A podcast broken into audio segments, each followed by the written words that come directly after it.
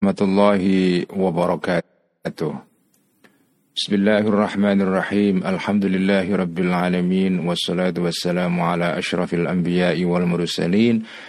سيدنا وحبيبنا ومولانا وقرة أعيننا محمد وعلى آله وأصحابه ومن تبعهم بإحسان إلى يوم الدين. رب اشرح لي صدري ويسر لي أمري. واحلل عقدة من لساني يفقه قولي رب زدنا علما ورزقنا فهما آمين ya rabbal alamin amma ba'd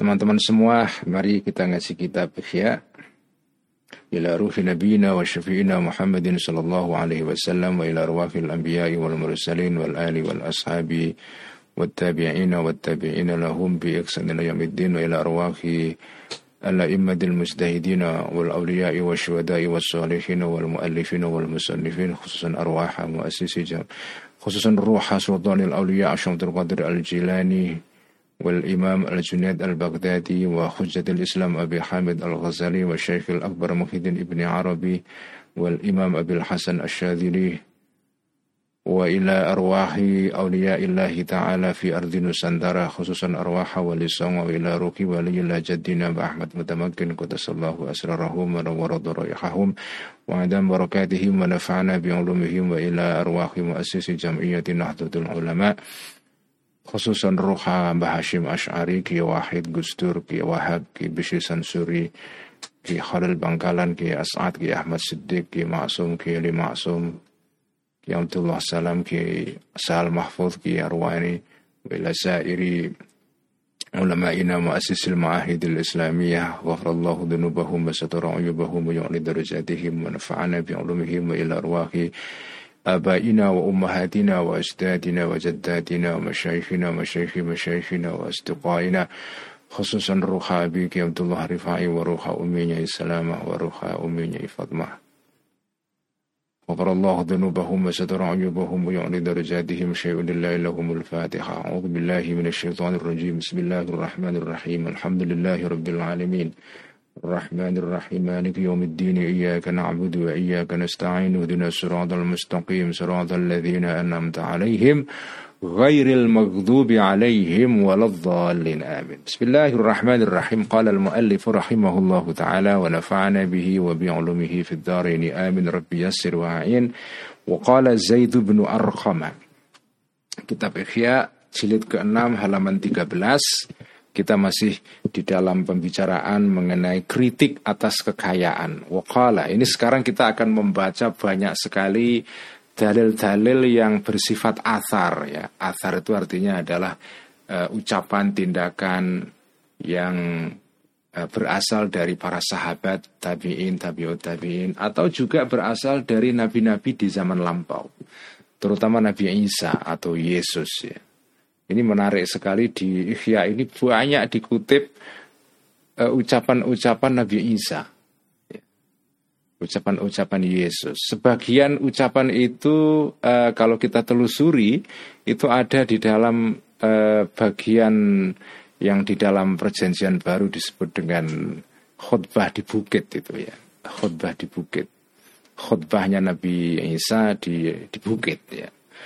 Kalau Anda baca khutbah di bukit itu itu luar biasa karena di situlah uh, tercermin ajaran-ajaran pokok dari eh, Nabi Isa atau Yesus ya. Waqala dan berkata Zaid bin Arqam sahabat Ansor yang namanya Zaid ibn Arqam.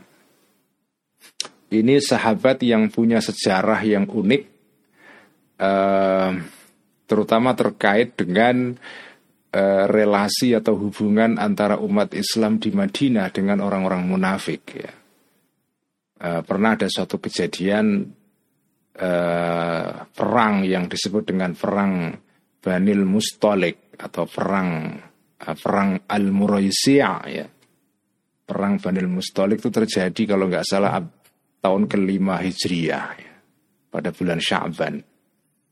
Jadi eh, ini ini satu suku ya, suku Arab eh, di luar Madinah yang merupakan kolaborator atau uh, aliansinya uh, masyarakat Arab Quraisy di Makkah yang memusuhi kanjeng Nabi Banil Mustalik ini dulu ketika perang Uhud mereka berpihak kepada orang-orang Mekah. Jadi ini suku yang menjadi musuhnya kanjeng Nabi. Nah suatu ketika uh, mereka ini ber, uh, berencana untuk menyerang Madinah. Nah kanjeng Nabi mendengar kabar itu langsung menyusun strategi untuk mendahului mereka mendahului mereka itu. Lalu kanji Nabi melakukan serangan mendadak pada saat mereka lengah itu. Makanya dalam hadis-hadis itu dikisahkan ya memori mengenai perang Banil Mustalik ini dikenang oleh para sahabat dengan ungkapan aghara Rasulullah sallallahu alaihi wasallam ala ala Banil Mustalik. Jadi melakukan serangan secara mendadak tanpa pemberitahuan dahulu. Ya ya bagian dari strategi perang ya. Nah akhirnya menang. Uh, di dalam perang inilah Badul Mustalik kalah ya. Nah uh, umat Islam menang.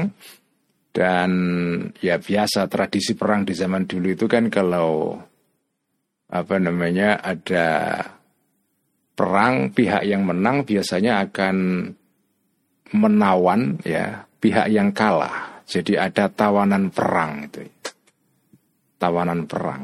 Nah, tawanan perang di dalam tradisi dahulu itu tidak seperti sekarang. Sekarang setelah ada konvensi Geneva, tawanan perang itu ada ada konvensinya sendiri. Jadi yang boleh ditawan ya hanya tentara, kombatan ya. Tapi zaman dulu yang ditawan ya siapa saja termasuk orang-orang sipil. Karena itu setelah perang ini eh, banyak eh, suku Bandil Mustalik ini yang ditawan dan tradisi zaman dulu ya kalau orang ditawan langsung jadi budak. Nah salah satu tawanan ini ada seorang perempuan namanya Juwairiyah bintul Harith uh, yang ditawan. Nah tawanan ini kan setelah selesai perang dibagi-bagi kepada para pasukan yang menang itu. Nah Juwairiyah ini adalah anaknya kepala suku Banil Mustolik ini namanya Al Harith itu Al, Harith bin Abi Durar ya. Jadi anak kepala suku artinya ini wanita terhormat bangsawan lah kira-kira.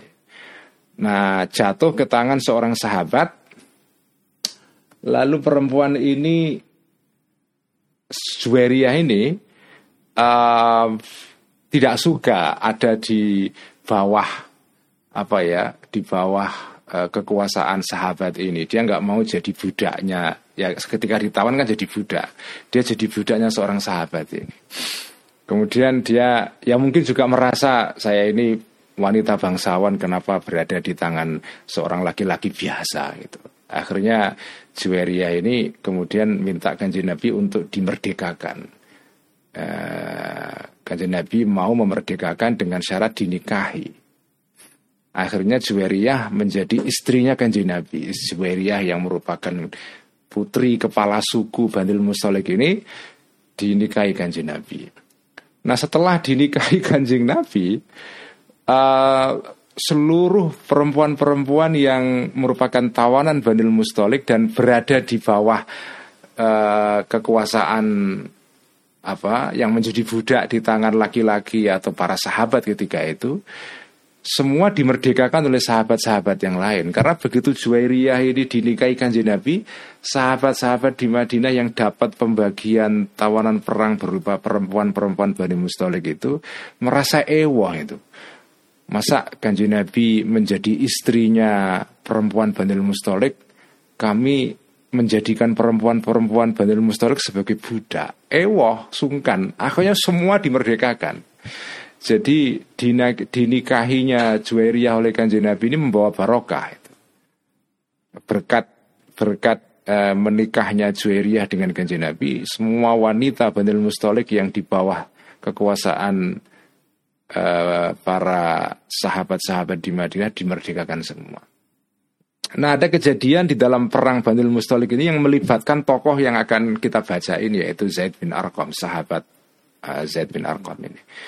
Nah, ketika perang Bandil Mustalik itu itu ada orang-orang munafik ya yang ikut perang bersama orang-orang Islam ya. Orang munafik itu disebut munafik karena mereka ini muslim, cuma muslim di mulut saja, di hatinya itu mereka nggak suka terhadap orang Islam itu. Nah, orang munafik ini ya diperlakukan sebagai orang muslim biasa. Ya. Ketika orang Islam perang, ya ikut perang. Cuma mereka itu sebenarnya nggak suka ikut perang itu, tapi terpaksa saja. Nah, ketika kanji Nabi menang melawan Bandil Mustalik ini, orang-orang munafik ini nggak suka itu. Mereka kepengennya umat Islam kalah, eh, kalah. Tapi akhirnya menang kan. Nah, ketika menang inilah kepala uh, apa namanya orang-orang munafik di Madinah namanya Abdullah bin uh, uh, Ubay bin Salul ya, Ubay bin Salul ya. Uh, itu melontarkan komentar ya karena dia benci orang Islam menang. Nanti kalau pasukan Muhammad ini balik ke Madinah, dia akan diusir ya. Itu yang direkam dalam Al-Quran itu la yukhrijannal a'azzu hal adzal. Itu sebuah surat dalam surat Al-Munafiqun ya.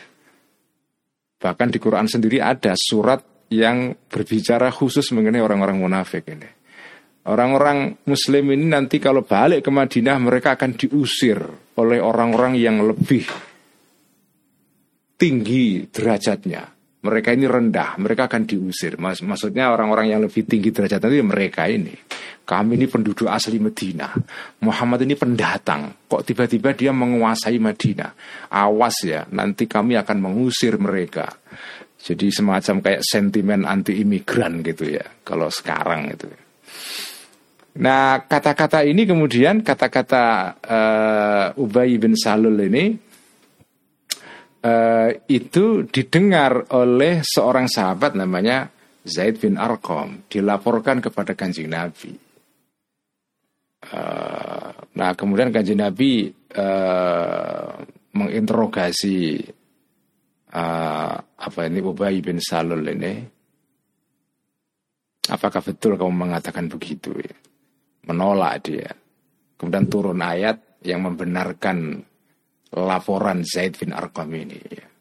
Yaquluna la irja'na ila al-madinati la, la, yaquluna la irja'na ila al-madinati la yukhrijanna al-a'azzu min hal adal. Jadi Zaid bin Arqam ini laporannya terhadap kanjeng Nabi mengenai ucapan orang munafik itu dikonfirmasi oleh Al-Quran. Nah ini jarang-jarang ada sahabat yang uh, mendapatkan kehormatan seperti ini yaitu uh, dikonfirmasi oleh Al-Quran. Makanya ini sahabat yang istimewa. Wakala dan berkata Zaid bin Arqam, Zaid bin Arqam mengisahkan sesuatu yang terjadi pada saat Abu Bakar masih menjadi khalifah ya. Artinya kisah ini terjadi setelah kanjeng Nabi wafat ya. Kunna ma'abi Bakrin as-Siddiqi Kunna ada kami para sahabat Ma'abi Bakrin as-Siddiqi bersama sahabat Abu Bakar as-Siddiq radhiyallahu anhu. Fada'a kemudian meminta sahabat Abu Bakar bisyarobin minuman.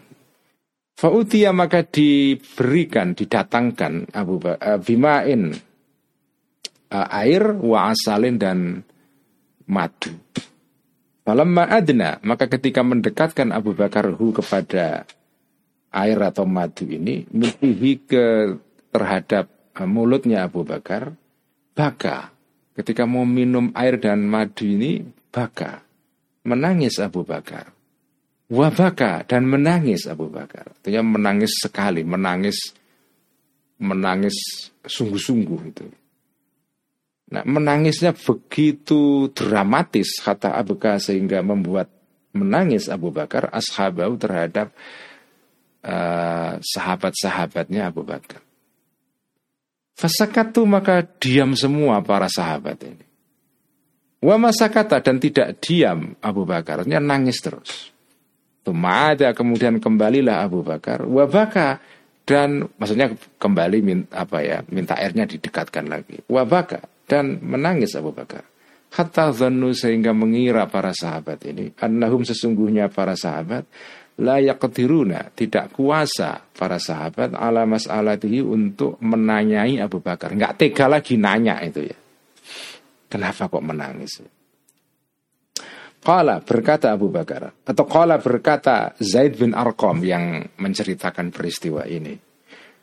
Ini kalau baca hadis begini itu qala dan segala macam itu rujuknya harus hati-hati karena ada rujuk yang rujuk kepada kanji Nabi atau oh, sahabat yang terlibat dalam peristiwa itu. Ada kola ini adalah kola ini naratornya, ya, pencerita yang menceritakan peristiwa ini.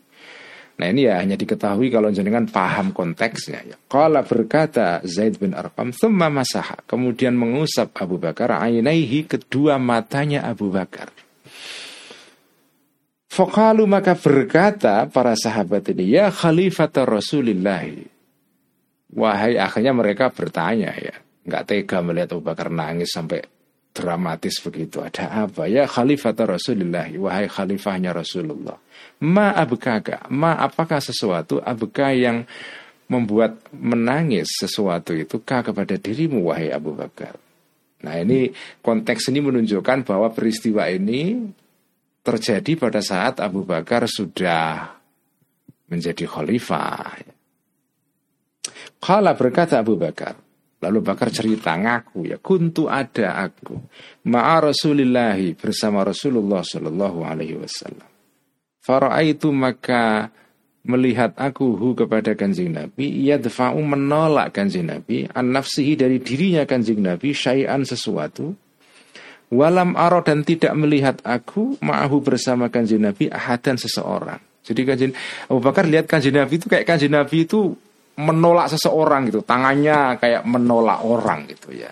Padahal nggak ada orang di sekitar kanjeng Nabi. Jadi aneh kan? Seolah-olah kanjeng Nabi ini bertarung dengan sosok yang nggak kelihatan. Fakultu maka berkata aku laha kepada Eh, fakultu maka berkata aku, bertanya aku Abu Bakar, Ya Rasulullah wa Rasulullah, Maladhi tadfa'u an nafsika? Ma apakah alladhi sesuatu? Ma apakah sesuatu alladhi ya ma? tadfa'u yang menolak engkau an nafsika dari dirimu wahai Nabi. Ada apa kata Nabi kok sampai menolak-nolak kayak mendorong orang itu. Kala menjawab kanji Nabi, hadhihi dunia mathulat li. Hadhihi dunia, dunia ini, artinya harta itu, mathulat mendo-mendo, muncul di hadapanku dalam bentuk sosok seseorang itu mathulat ya.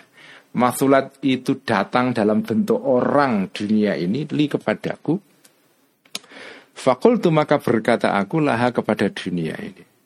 Ya, kajian Nabi punya kemampuan melihat sesuatu yang apa ya tidak merupakan sosok fisik itu bisa dilihat itu ya. Jadi dunia hadir kepada kajian Nabi dalam bentuk orang. Jadi orang ini sosok ini representasi dari harta kekayaan. Tumarajaat ilaiki anni. Kajian Nabi mengatakan kepada dunia itu ilaiki anni, menyingkirlah engkau anni dari diriku. Aku nggak mau kamu. Makanya kajian Nabi terus kelihatan kayak kayak mendorong seseorang tangannya. Tumarajaat, kemudian kembali dunia itu fakalat, artinya pergi. Fakalat maka berkata dunia itu. Agak kecewa karena dia kepengen datang kepada kajian Nabi itu kayak ingin kajian Nabi menerima dia. Membujuk supaya dunia ini mau uh, kajian Nabi mau menerima dia. Tiba-tiba ditolak. Ya kalau peristiwa ini terjadi kesampaian ya wah alhamdulillah marhaban ahlan wa sahlan welcome.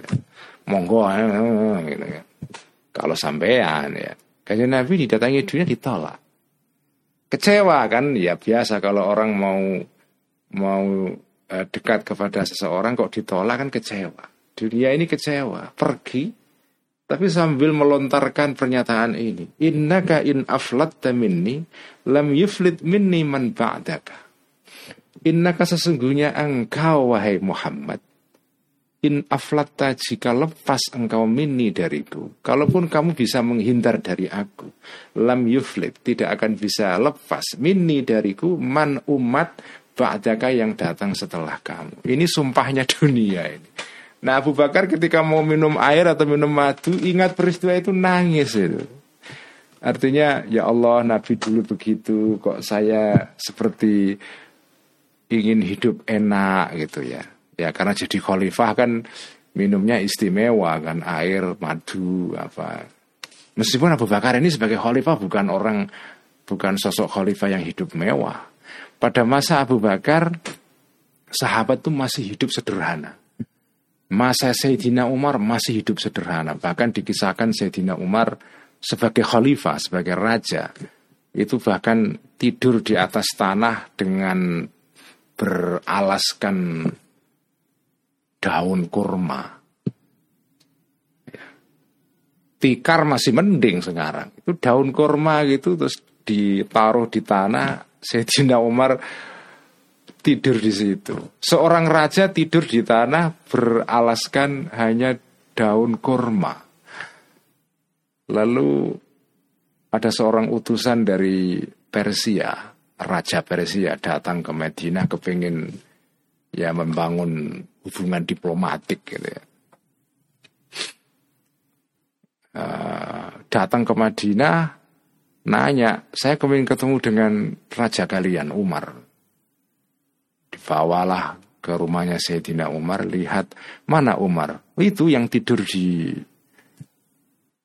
atas tanah itu. Kaget kan. Karena raja-raja Persia saat itu yang gaya hidupnya mewah ya sebagaimana layaknya raja-raja dunia pada saat itu mewah. Uh, leks hidupnya ya.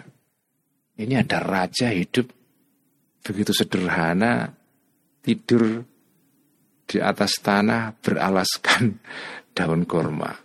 Lalu utusan dari Persia ini berkomentar, Umar, kamu berbuat adil kepada rakyat kamu. Karena kamu adil kepada rakyat kamu, kamu merasa aman. Gak ada orang di antara rakyat kamu yang membenci kamu, memusuhi kamu. Sehingga kamu bisa tidur tenang, lepas tanpa penjagaan seorang pun. Ini gak ada penjaga tradisi raja-raja kan ada penjaganya. Ada polisi militernya kalau sekarang. Umar ini tidur di atas tanah nggak ada penjaga seperti orang biasa. Kamu berbuat adil maka kamu bisa hidup tenang tidur dengan santai sekali. Kenapa ke penguasa-penguasa yang lain kok dijaga dengan ketat sekali oleh pasukan? Ya karena khawatir dibunuh oleh rakyatnya atau musuh-musuhnya. Kenapa khawatir dibunuh? Karena dia berbuat tidak adil kepada rakyatnya. Coba kalau berbuat adil rakyatnya cinta kepada penguasa itu nggak perlu dijaga. Itu. Nah, jadi masih masih sederhana kehidupan para sahabat di zaman Sayyidina Abu Bakar, Sayyidina Umar. Nah baru di zaman Sayyidina Utsman mulai agak sedikit berubah. Karena pada saat Sayyidina Utsman itu umat Islam sudah mulai berhasil memper, memperluas wilayah kekuasaannya sampai keluar Jazirah Arab. Di era Sayyidina Umar, kekuasaan besar pada saat itu Persia ditaklukkan. Kemudian Mesir, tanah yang subur sekali ditaklukkan. Nah, ketika dua tanah yang subur ini berhasil dikuasai oleh orang Islam, lalu makmur, kehidupan orang-orang Arab yang semula sederhana berubah total itu. Setelah era Khulafaur Rasyidin lebih-lebih lagi di era Bani Umayyah itu wah makin makmur ya. Ya makmurnya dari penghasilan pertanian dari kawasan-kawasan yang ditaklukkan ini. Selain pampasan perang karena ekonomi utama ketika itu adalah pertama ekonomi pampasan perang, kedua ekonomi berupa apa hasil pajak yang atau hasil pertanian dari tanah-tanah yang ditaklukkan itu.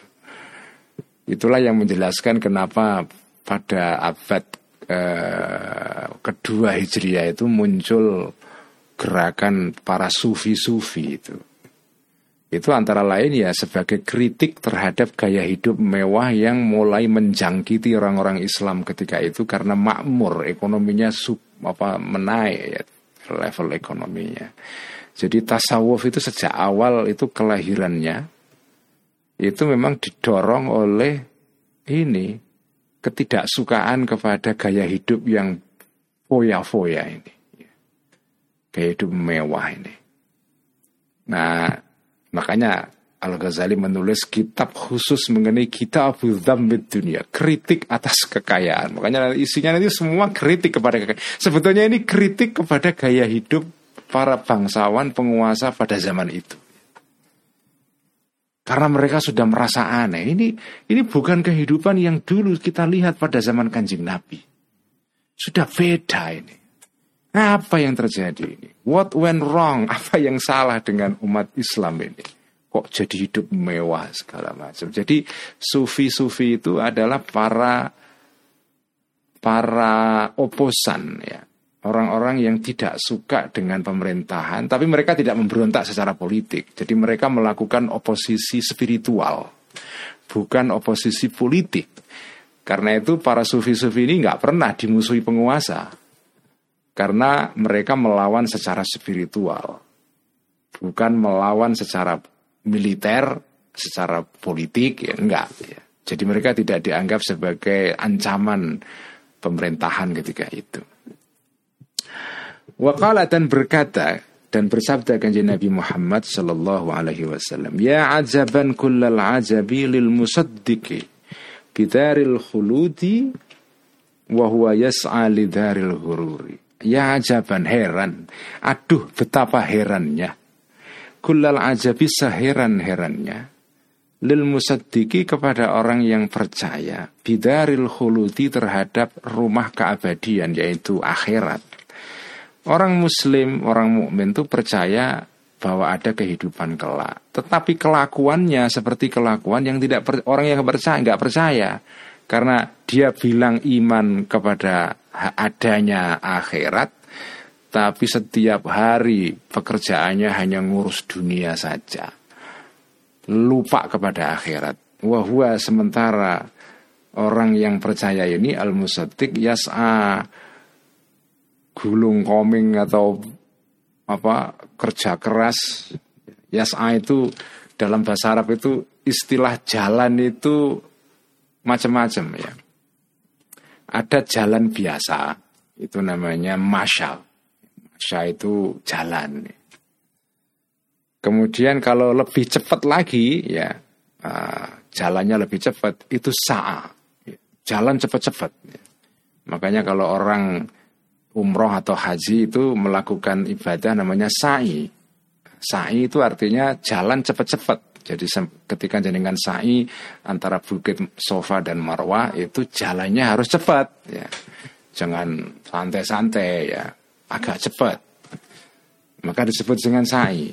Jadi yas'a di sini jalan cepat-cepat. Waktunya wah, ngurus dunianya mempeng banget ya. Lidaril gururi kepada tempat penipuan atau tipuan yaitu dunia ini. Dunia ini disebut oleh para sufi-sufi sebagai darul hurur. Tempat tipuan. Tempat orang itu tertipu itu. Ya karena kehidupan yang lebih sejati ya nanti. Kehidupan sekarang ini tipuan saja sebetulnya. Jadi di mata para sufi dunia ini tipuan saja. Tipuan saja. Ya sekali lagi ini bukan berarti kita orang Islam tidak boleh mengurus dunia ya enggak. Cuma kita mengurus dunia ini harus dipandang sebagai instrumen jalan untuk akhirat itu.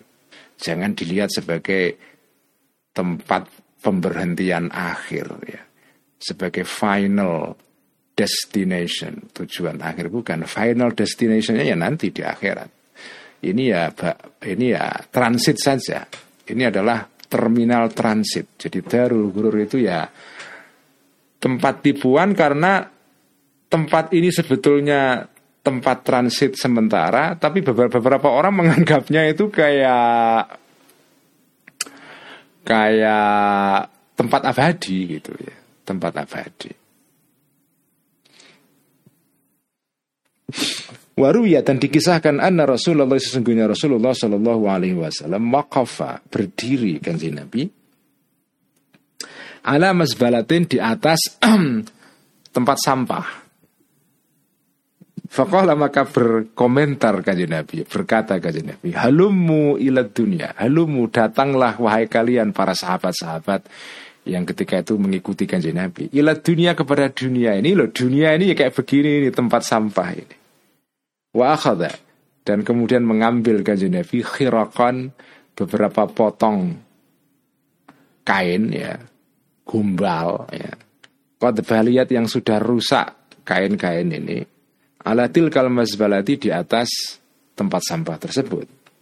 Wa dan mengambil juga kanjeng Nabi balung-balung tulang-tulang Qad nakhirat yang telah telah apa namanya telah telah rapuh ya karena saking lamanya di situ. Fakala maka berkata kanjeng Nabi, hadhihi ad-dunya. Ini adalah dunia. Dunia itu kalau mau divisualisasi ya seperti ini. Wahadi dan ini ya riwayat ini isyaratun Ini komentar dari Al-Ghazali. Ini bukan kata-kata kanjeng Nabi. Wahadi dan riwayat ini isyaratun itu isyarah. Ila anna zinat dunia.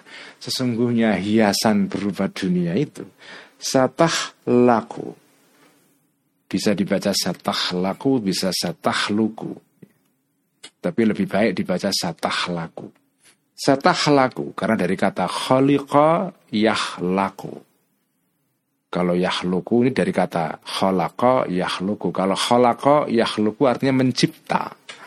Tapi kalau khaliqa yahlaku artinya rusak. Jadi gombal kain rusak itu namanya khaliqa yahlaku. Setelah laku maka akan dunia itu akan rusak, akan akan apa namanya rusak atau uh, apa ya istilah lain yang lebih tepat itu? Laku akan mengalami apa namanya pembusukan dunia itu. Mislatil kal khiroki seperti kain-kain itu. Wa anal sama dan sesungguhnya jisim-jisim. Eh, jasad-jasad sesuatu yang punya bentuk fisik. Allati turo uh, yang apa namanya yang dilihat ajasam ini biha pada dunia setasiru akan jadi jisim-jisim ini zaman seperti tulang-tulang baliatan yang rusak. Itulah dunia. Wakala dan bersabda kanjeng Nabi Shallallahu Wasallam dalam hadis yang lain inna dunia Sesungguhnya dunia itu khulwatun memang kelihatan manis. Khadiratun hijau royo-royo. Wa inna Allah dan sesungguhnya Allah mustakhlifukum. Menjadikan khalifah. Menjadikan seseorang yang diberikan mandat untuk berkuasa. Allah menjadikan kalian sebagai khalifah. Kum kepada kalian fiha di atas dunia ini di dalam dunia ini. Fanadhirun, ya. Fanadhirun. Fanadhirun maka Allah akan melihat. Ayf fahuwa nadhirun. Jadi ini khobar mutadanya dibuang. Atau juga bisa ini mubtada yang khobarnya dibuang ya. Fanazirun tapi lebih baik ini adalah khobar yang mubtadanya dibuang. Fanazirun maka Allah Aifallahu nazirun Sebaiknya dijadikan khobar bukan tanda ya. Fallahu nazirun Allah akan melihat Kaifa bagaimana ta'maluna Bekerja kalian Bertindak kalian. Kalian dijadikan khalifah di bumi ini Di dunia ini Allah akan melihat Apa yang akan anda lakukan. Inna Bani Israel Sesungguhnya Bani Israel Yaitu orang-orang Yahudi dulu Zaman Nabi Musa ini cerita mengenai Bani Israel ini banyak dikutip di Quran, di kitab-kitab tasawuf ya. Dikutip bukan dalam pengertian negatif semua, kadang-kadang sering positif ya. Ya karena Bani Israel ini kayak menjadi contoh bagi orang-orang Islam itu. Inna Bani Israel sesungguhnya orang-orang Yahudi. Lama busitot ketika digelar lahum bagi Bani Israel dunia dunia wa muhidat dan dilapangkan ya, dunia bagi mereka tahu maka akhirnya bingunglah orang-orang Yahudi ini fil khilyati di dalam hiasan wan nisa'i dan perempuan wathibi dan wewangian wathiabi dan pakaian-pakaian yaitu ketika Bani Israel ini uh, kan dalam cerita dalam kisah ini kan dalam kisah yang sudah menjadi legenda ya itu kan Bani Israel dulunya kan hidup susah ter apa tersiksa dan apa mengalami hidup yang luar biasa berat di masa Firaun di Mesir. Lalu mereka lari dari Mesir dipimpin oleh Nabi Musa. Nah, ketika sudah bebas ya mereka hidup dalam situasi kebebasan di apa di di padang pasir selama 40 tahun sebelum mereka akhirnya sampai ke tanah Kanaan yang sekarang menjadi ya Palestina sekarang ini. Mereka tersesat selama apa 40 tahun di tengah-tengah padang pasir ya. Nah, tapi mereka hidup sebagai orang bebas, tidak lagi menjadi budak dan menjadi rakyat yang tersiksa seperti pada saat Firaun itu. Nah, pada saat mereka hidup di tengah-tengah padang pasir inilah mereka ya hidup bebas dan sebagian menikmati kenikmatan. Akhirnya bingung. Bani saya setelah mendapatkan kebebasan ini bingung karena tahu mereka bingung ya. Mereka tersesat itu ya. Tersesat ngurus hiasan perempuan, wewangian, baju-baju yang bagus dan segala macam.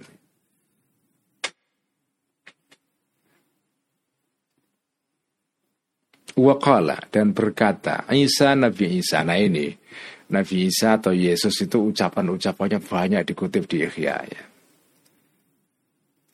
Waqala dan berkata Isa Nabi Isa alaihi salam Ucapan-ucapan Nabi Isa yang dikutip di dalam kitab-kitab ulama Islam itu Kadang-kadang tidak kita jumpai sumbernya di dalam sumber-sumber Kristen. Ya. Makanya uh, ada seorang sarjana dari Libanon namanya Tarif Khalidi itu nulis buku judulnya Muslim Jesus. Yesus atau Nabi Isa versi Islam. Karena di dalam kitab-kitab ulama itu ada kutipan-kutipan dari Nabi Isa yang tidak dijumpai dalam perjanjian baru, dalam Bible. Jadi inilah sosok Yesus di mata para sufi-sufi. Jadi Nabi Isa atau Yesus itu salah satu hero, pahlawannya para sufi. Karena itu banyak dikutip ucapan-ucapan Nabi Isa ini di dalam kitab-kitab sufi seperti Ikhya. Ini, ini contohnya. Waqala dan berkata Isa Nabi Isa alaihi salam, "La tattakhidu dunya rabba." Jangan menjadikan kalian dunia dunia rabba sebagai Tuhan. Jangan menuhankan dunia. Karena kalau itu kalian lakukan fatattakhidakum, maka akan menjadikan kum kepada kalian dunia dunia abidan sebagai budak. Sampai diperbudak dunia kalau sampai menuhankan dunia. Uknuzu kanazakum, kanzakum, uknuzu, simpanlah. Simpanlah kanzakum gudang kalian. Indaman eh, kepada seseorang, yaitu maksudnya kepada Tuhan, ya. La yang tidak akan menyia-nyiakan man itu kepada kanzakum. Kalau sampean kepingin mendapatkan harta apa namanya karun ya gudang maksudnya gudang kekayaan carilah gudang kekayaan pada Tuhan yang tidak akan menyia-nyiakan kekayaan itu artinya nanti carilah kekayaan itu di hari akhir nanti jangan sekarang fa inna sahibakan zidinya karena orang yang punya kekayaan harta karun dunia itu ya khafu khawatir sahibud dunia sahibukan dunia alaihi kepada dunia itu kepada gudang kekayaan itu al afata kerusakan. Orang yang punya kekayaan khawatir kekayaannya hilang kalau di dunia sekarang. Makanya ditaruh di safe deposit, taruh di bank biar nggak dicuri orang. Orang kalau punya kekayaan khawatir kekayaannya hilang sehingga dia mikir bagaimana menjaga kekayaannya itu. Sementara wasahibakan zillahi orang yang memiliki harta kekayaannya Allah nanti di hari kelak la yakhafu tidak akan khawatir orang ini alaihi kepada kanzillah ini al afata kerusakan. Kalau zaman mencari kekayaan berupa amal-amal yang baik yang nanti bisa di apa namanya bisa di uh, diuangkan, dikapitalisasi di akhirat ya. Amal-amal baik itu tidak perlu disimpan di bank. Ya. Nggak mungkin orang khawatir akan hilang amal. Amal itu ya nggak akan hilang. Ya. Amal melekat pada seseorang.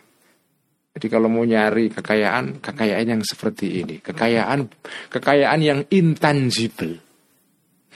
Ada kekayaan yang tangible berupa harta, ada kekayaan yang intangible, kekayaan yang tidak kelihatan.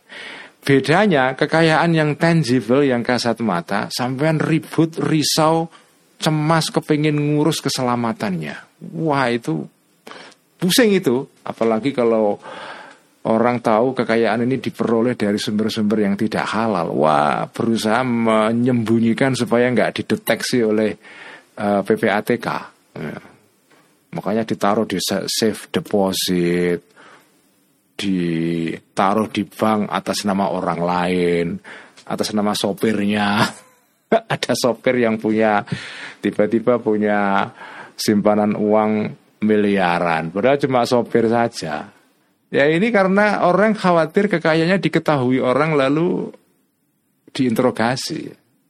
Tapi kalau kekayaan sampai itu intangible, berupa amal baik, jaringan sosial, pengetahuan, itu tidak perlu dengan risau menyembunyikan itu semua. Ya. Amal-amal itulah yang membuat sampean tenang malah tidak tidak risau, tidak khawatir, tidak cemas bagaimana untuk menjaga itu semua. Bahkan kekayaan seperti ini menjaga kalian itu ya. Wakala, dan berkata juga Nabi Isa alaihi salam. Ya ma'syarul hawariyin Wahai orang-orang hawariyin Yaitu hawariyin ini artinya Orang-orang murid-muridnya Nabi Isa. Murid-murid Nabi Isa itu dalam istilah Islam dalam kitab-kitab Arab karangan para ulama-ulama dahulu itu disebut sebagai al-hawariyun. Ya, sebutan ini juga ada di Quran ya. Uh, ya, dipakai dalam Al-Qur'an ya. Saya lupa ayatnya ya. Ya masyarul hawariyin, wahai orang-orang hawariyin. Ini sesungguhnya aku Nabi Isa, ku Isa, kot kababtu telah menjungkirkan aku lakum bagi kalian dunia dunia ala wajiha terhadap apa namanya uh, wajahnya atau mukanya dunia. Aku sudah menjungkirkan dunia di atas wajahnya, artinya dijungkirkan. Ya. Ini mungkin merujuk kepada peristiwa ketika kalau anda baca Bible ada peristiwa ketika Nabi Isa Yesus uh, datang ke Yerusalem masuk ke apa namanya dalam perjanjian baru disebut dengan bait Allah ya. Maksudnya tempat ibadahnya orang Yahudi yang utama di situ ya. Uh, Temple of Solomon Haikal Sulaiman itu itu itu sinagog besar yang menjadi pusat peribadatan orang-orang Yahudi. Nah di sekitar sinagog itu kan banyak orang jualan bakul-bakul macam-macam. Nabi Isa datang ke apa namanya ke sinagog besar itu lalu dijungkir balikkan itu warung-warungnya orang-orang yang jualan di sekitar situ ya. Karena dia merasa ini orang mengotori rumah Allah ya. Nah, ini ini mungkin ini merujuk kepada peristiwa itu. Jadi aku sudah sudah menjungkir balikkan dunia. Fala isu maka jangan apa namanya membangkitkan kalian ha kepada dunia ba'di setelahku. Fa inna min khubthid dunia karena sesungguhnya salah satu kekotoran dunia, kekejian dunia. An'usiyallahu fiha yaitu di dimaksiati, dibangkang Allahu Allah fiha karena dunia itu. Gara-gara dunia ini Allah dibangkang, dimaksiati. Orang-orang sibuk dagang lupa kepada rumah Allah, bait Allah di Yerusalem. Wa inna min khubthid wa inna min dunia dan salah satu kejahatan kekotoran dunia annal akhirata sesungguhnya akhirat kehidupan kelak la tudraku tidak bisa dicapai akhirat itu illa bitargia kecuali dengan meninggalkan dunia. Ala ingatlah fa'buru maka lewatilah ya, lintasilah dunia dunia maksudnya tinggalkan ya. wala ta'muru dan jangan meramaikan kalian ha kepada dunia. Wa'lamu dan dan ketahuilah kalian anna asla kulli khati'atin sesungguhnya asal pokok akar dari segala kekeliruan, kesalahan, kejahatan itu hubbud dunia adalah mencintai dunia. Warubba syahwatin dan banyak syahwat atau hasrat keinginan menumpuk-numpuk dunia aurasat yang menimbulkan syahwat ini ahlaha terhadap orang yang punya syahwat dunia ini menimbulkan apa? Huznan towilan kesedihan yang panjang. Makanya dalam awal kitab ini kita Dzambit dunia kan disebutkan nabi-nabi yang diutus Allah itu pesan utamanya selain mengajarkan tauhid ya monoteisme itu ya ini ajaran moralnya ya atau ajaran etika sosialnya itu adalah jangan menjadikan dunia sebagai tujuan utama karena dunia itu kalau disikapi dengan keliru bisa menjadi sumber segala uh, musibah ya kesalahan. Ini banyak sekali kutipan dari Nabi Isa ini. Wakala dan uh, berkata Nabi Isa lagi alaihi salam aidan juga batahtu lakumud dunya wa jalastum ala zahriha batahtu menggelar aku lakum bagi kalian dunia dunia. Lihat ini dunia maksudnya begitu. Wajalastum dan duduk kalian ala zahriya di atas punggungnya dunia. Kamu sekarang lihat dunia ini. Fala yunazi'um, maka jangan mendesak kum kepada kalian fiha dalam urusan dunia ini illal muluku uh, fala yunazi'um maka tidak mendesak artinya berebut ya kum dengan kalian fiha di dalam dunia ini ilal muluku kecuali raja-raja wan nisa'u dan perempuan-perempuan. Ini lo lihat dunia ini. Dunia ini ya sampai ini akan apa namanya? Dunia ini karena jenengan tahu kan Nabi Isa ini hidup di zaman uh, Romawi. Jadi kota atau tanah Palestina ketika itu dikuasai Romawi. Nah, tingkah laku raja-raja zaman dulu itu kan gitu kan sering apa namanya ya sewenang-wenang ya merampas tanah rakyat sewenang-wenang ya jadi hak milik itu nggak dihormati ya itulah kelakuan raja-raja orang-orang pembesar pada zaman dulu ya begitu zolim ya nah lihat kalian ini dia dunia ini lo lihat ini ya Sampean itu kalau kepingin dunia nanti lawan kalian itu adalah raja-raja yang suka merampas hak milik rakyat itu wanisau dan perempuan-perempuan. Pak Amal muluku adapun raja-raja. Kenapa raja-raja jadi saingan kalian? Falatuna maka jangan bersaing kalian hum terhadap raja-raja ini dunia kepada dunia. Fa hum karena sesungguhnya para raja-raja ini lan ya'ridu tidak akan mengganggu mereka ini lakum kepada kalian mataraktumuhum selama membiarkan kalian hum kepada raja-raja ini wa dunia dan dunia. Kalau sampai biarkan raja-raja ini, sampai nggak mengurusi hak milik mereka, nggak mengurusi dunia, mereka nggak akan mengganggu kalian. Begitu sampean punya pamrih duniawi, sampean akan bersaing dengan mereka dan pasti kalah sampean. Wong melawan raja kok kelas atas pasti kalah. Nah kalau perempuan bagaimana? Wa aman nisa'u anda pun perempuan-perempuan. Fattakuhunna.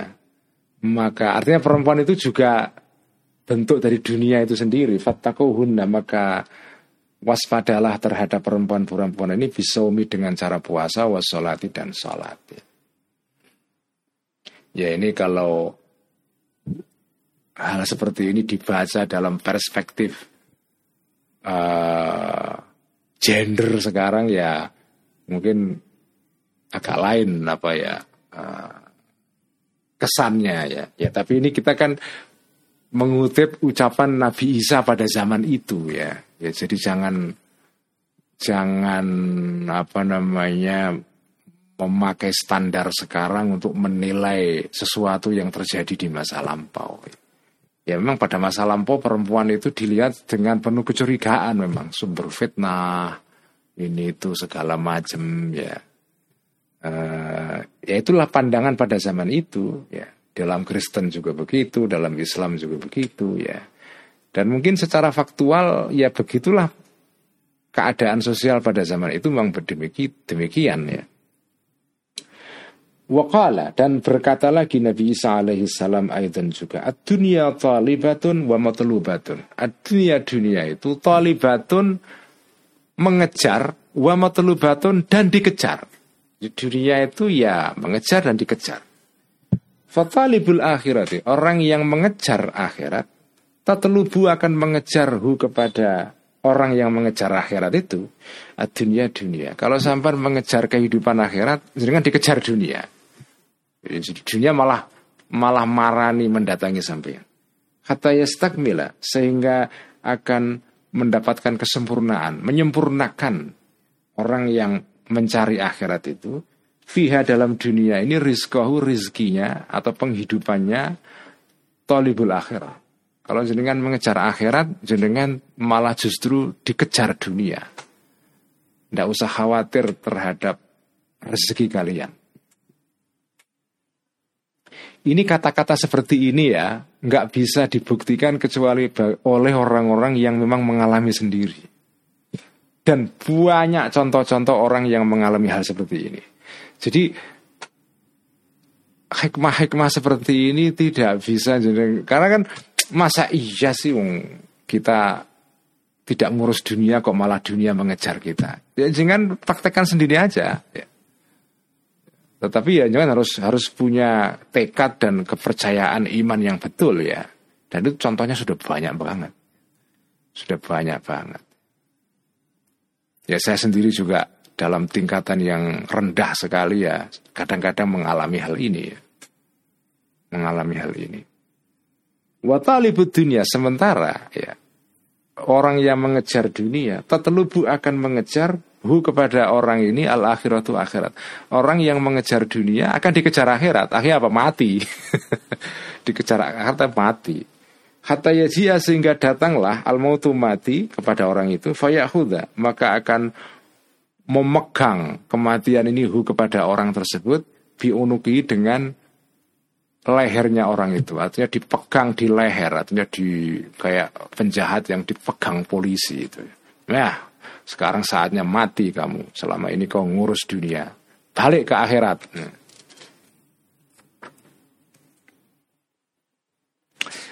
Wakala dan berkata Musa ibnu Yasarin. Musa ibnu Yasar ini seorang apa ya? Tabi'in. Uh, dia ini adalah pamannya Muhammad ibn Ishaq ya, Ibnu Ishaq yang terkenal yang nulis siroh pertama siroh kanjeng Nabi itu asiroh siroh itu Ibnu Ishaq yang terkenal itu ya. Nah dia ini pamannya uh, Ishaq ya. Uh, Muhammad bin Ishaq. Wakala dan berkata Musa bin Yasar Musa ibn Yasar.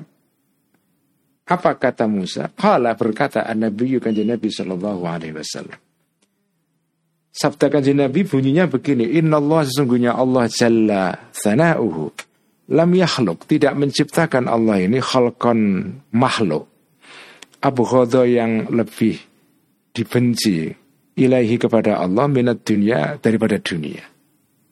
Meskipun Allah menciptakan dunia tapi Allah nggak suka dengan dunia ini. Wa inna dan sesungguhnya Allah munzu sejak menciptakan Allah kepada dunia lam yanzur tidak pernah melihat Allah ilaiha kepada dunia. Kan ada kan orang menciptakan sesuatu tapi sebetulnya nggak suka dengan ciptaannya. Saya sering alami itu. Saya nulis artikel ya. Ya karena dipaksa harus nyetor artikel ke koran karena sudah janjian harus nulis ya. Ya saya tulis ya ini saya nggak puas, saya nggak tahu ini ya. Saya nggak nggak terlalu suka dengan artikel ini. Ya diterbitkan. Begitu terbit saya lihat artikel itu saya nggak mau baca, pura-pura nggak tahu. saya pura-pura nggak tahu itu.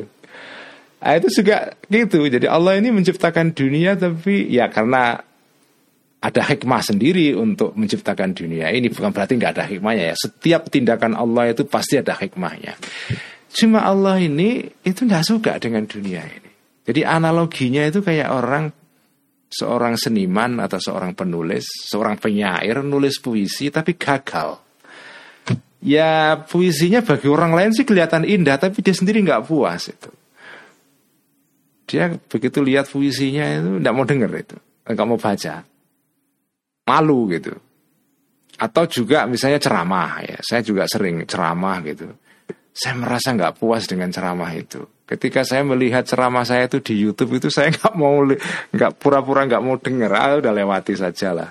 Karena saya nggak puas dengan apa yang saya ceramahkan itu. Jadi begitulah kira-kira analoginya Allah menciptakan dunia tapi nggak nggak nggak mau lihat dunia itu ya. Ya karena ya dunia ini dibenci oleh Allah itu. Sama dengan seorang penulis yang membenci tulisannya sendiri. Meskipun tulisan itu bagi orang lain dianggap keren itu ya.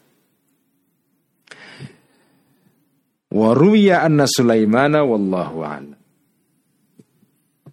اللهم صل على سيدنا محمد طب القلوب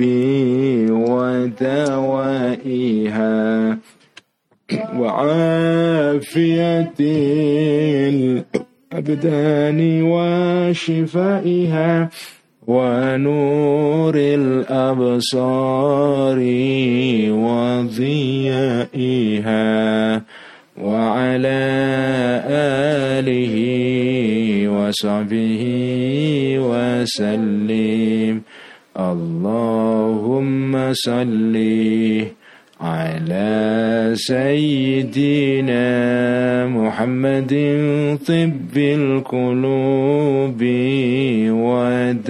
ودوائها وعافية الأبدان وشفائها ونور الأبصار وضيائها وعلى آله وصحبه وسلم.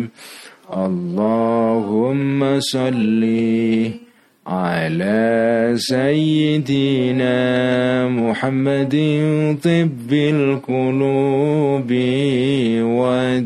ودوائها وعافية الأبدان وشفائها ونور الأبصار وضيائها.